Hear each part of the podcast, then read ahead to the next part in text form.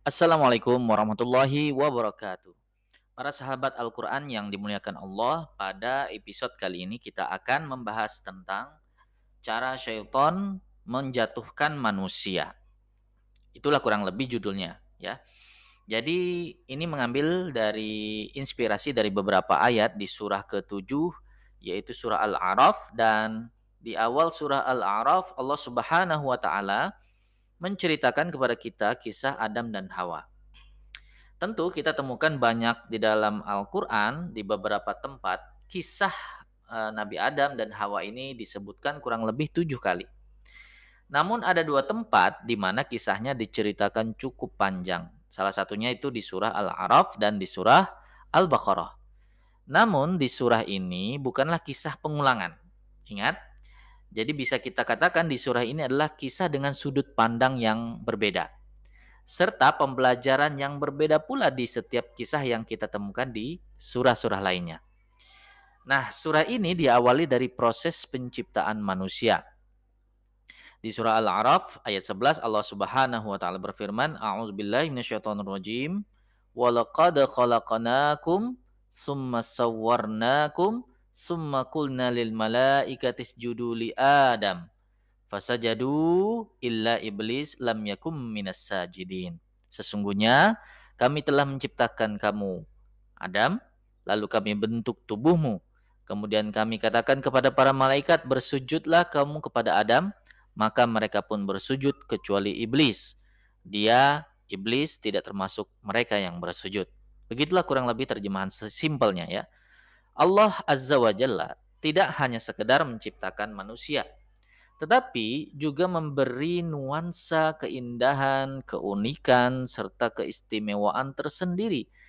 Karena kata taswir di sana bermakna membentuk sesuatu yang memiliki unsur seni dan keindahan. Ini penting untuk disebutkan sekaligus isyarat bahwa manusia adalah ciptaan yang memiliki daya tarik tersendiri. Itulah mengapa kita temukan bahkan hingga saat ini industri hiburan selalu dipenuhi dan mereka memilih para aktor dan aktris yang memiliki paras dan bentuk yang indah. Ketika Adam alaihi salam diciptakan, Allah Subhanahu wa taala memerintahkan kepada Adam dan istrinya untuk tidak mendekati satu pohon dan tidak memakan buahnya. Singkat cerita, Adam dan Hawa pun tergoda rayuan syaitan untuk memakan buah dari pohon tersebut. Tentu ini adalah dosa pertama yang dilakukan oleh manusia. Namun jika berbicara tentang dosa apa yang dilakukan Nabi Adam alaihissalam, tidaklah seberapa mengerikannya dengan kejahatan yang dilakukan manusia saat ini. Kita mungkin mengira bahwa tujuan utama dari syaitan adalah membuat Adam dan Hawa memakan buah dari pohon tersebut. Namun, di surah ini juga Allah Subhanahu wa taala menjelaskan motivasi utama dari syaitan melakukan hal tersebut. Allah Subhanahu wa taala berfirman di surah Al-A'raf ayat ke-20, A'udzubillahi minasyaitonirrajim, fawaswasalahuma fawaswasalahuma syaitan liyubdiyalahuma ma wuriya anhuma min su min sau'atihima. Maka syaitan membisikkan pikiran jahat kepada keduanya untuk menampakkan kepada keduanya apa yang tertutup dari mereka yaitu auratnya. Qala ma nahakuma rabbukuma an hadhihi syajarah.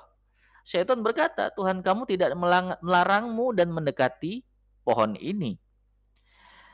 Illa antakuna malakaini au takuna minal khalidin. Melainkan supaya kamu berdua tidak menjadi malaikat atau tidak menjadi orang-orang yang kekal di dalam surga. Jadi syaitan terus melakukan was-was yaitu aktivitas berbisik kemudian menghilang, berbisik lalu menghilang. Jadi terus menyampaikan pesan secara tersembunyi, terus-menerus sampai pesan itu pun menjadi terlaksana. Jadi Anda bayangkan aktivitas Shelton ini dalam dunia periklanan.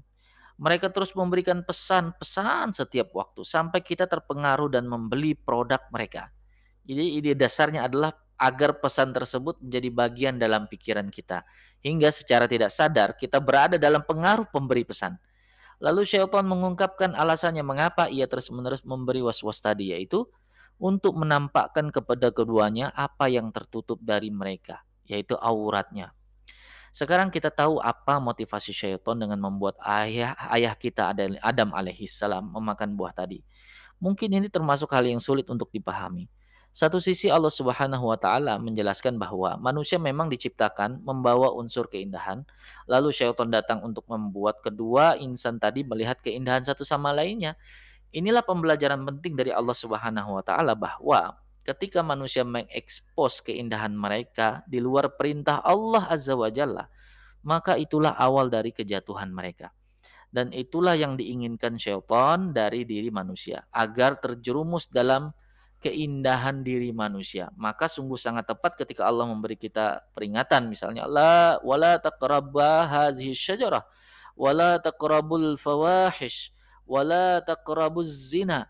Jangan kamu dekati, jangan kamu dekati pohon ini, jangan kamu dekati perbuatan fawahish, jangan kamu dekati perbuatan zina, ya tentu Allah Subhanahu wa taala memiliki tujuan tersendiri ketika menyertakan unsur keindahan dalam diri manusia dan manusia boleh menikmati keindahan tersebut dalam bingkai yang dikehendaki Allah tentunya yaitu pernikahan. Namun ketika keindahan tersebut disalahgunakan, maka di situlah awal dari sebuah penyimpangan. Jadi menarik kata yang digunakan di ayat ini adalah sau'atihima. Kata ini biasa digunakan untuk melihat sesuatu yang menjijikkan seperti melihat bangkai misalnya yang dikerumuni serangga.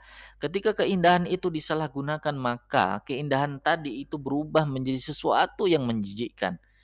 Allah menciptakan manusia yang memiliki derajat lebih tinggi dari malaikat, lebih tinggi dari iblis. Kenapa? Karena Allah meniupkan ruh kepada jasad manusia. A'udzubillahi minasyaitonirrajim. Fa iza saw fa iza sawat sawatuhu wa nafakhtu fihi mir ruhi faqa'u lahu sajidin.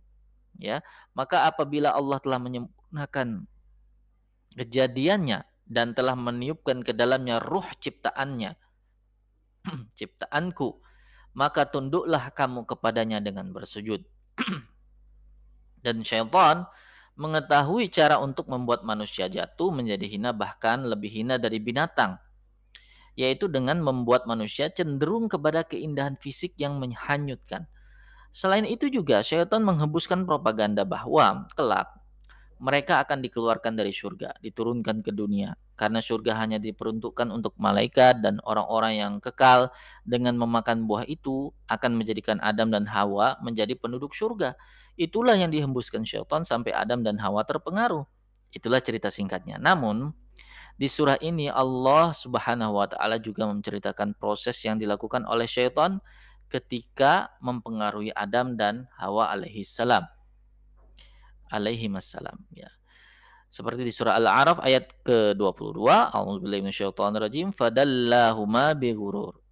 Maka syaitan pun membujuk keduanya untuk memakan buah itu dengan tipu daya. Ya. Falamma zaqa syajaratah Falamma zaqas syajarah badat lahuma sawatuhuma.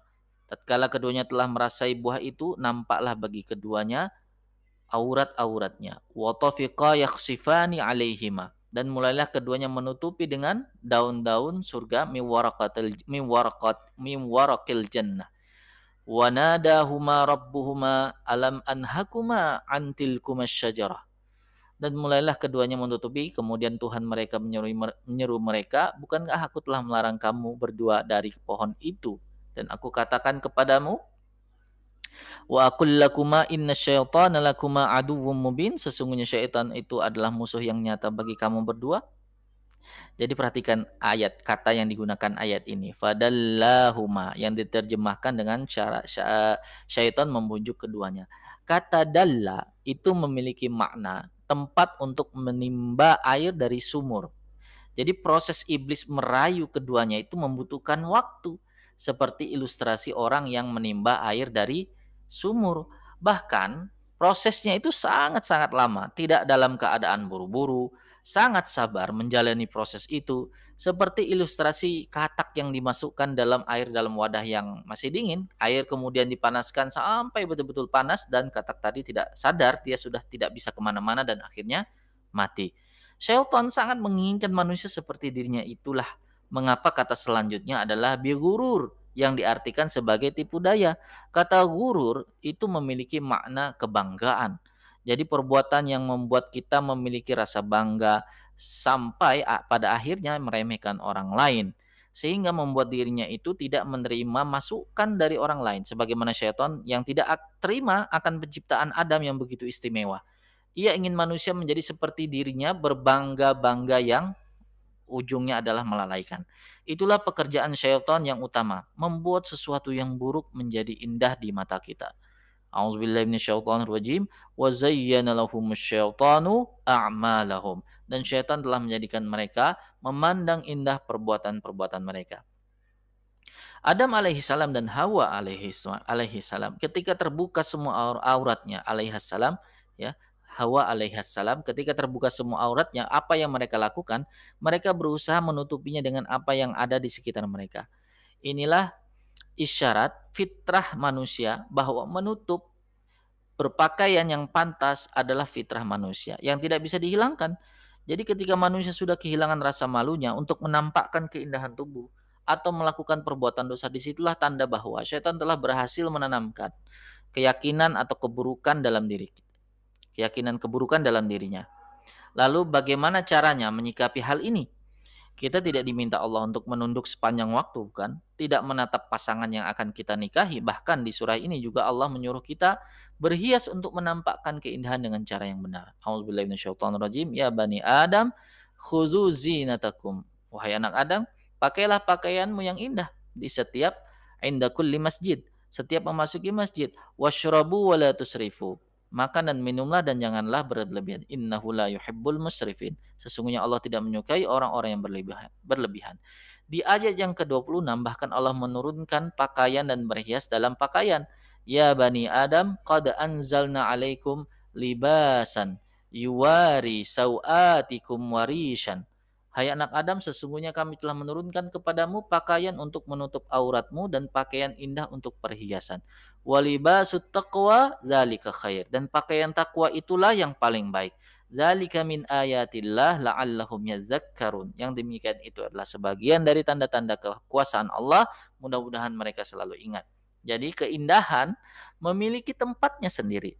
Jika kita menikmati keindahan ini sesuai dengan apa yang Allah inginkan, maka kita telah berhasil lolos dari perangkap syaitan yang memanfaatkan potensi manusia ini untuk keburukan.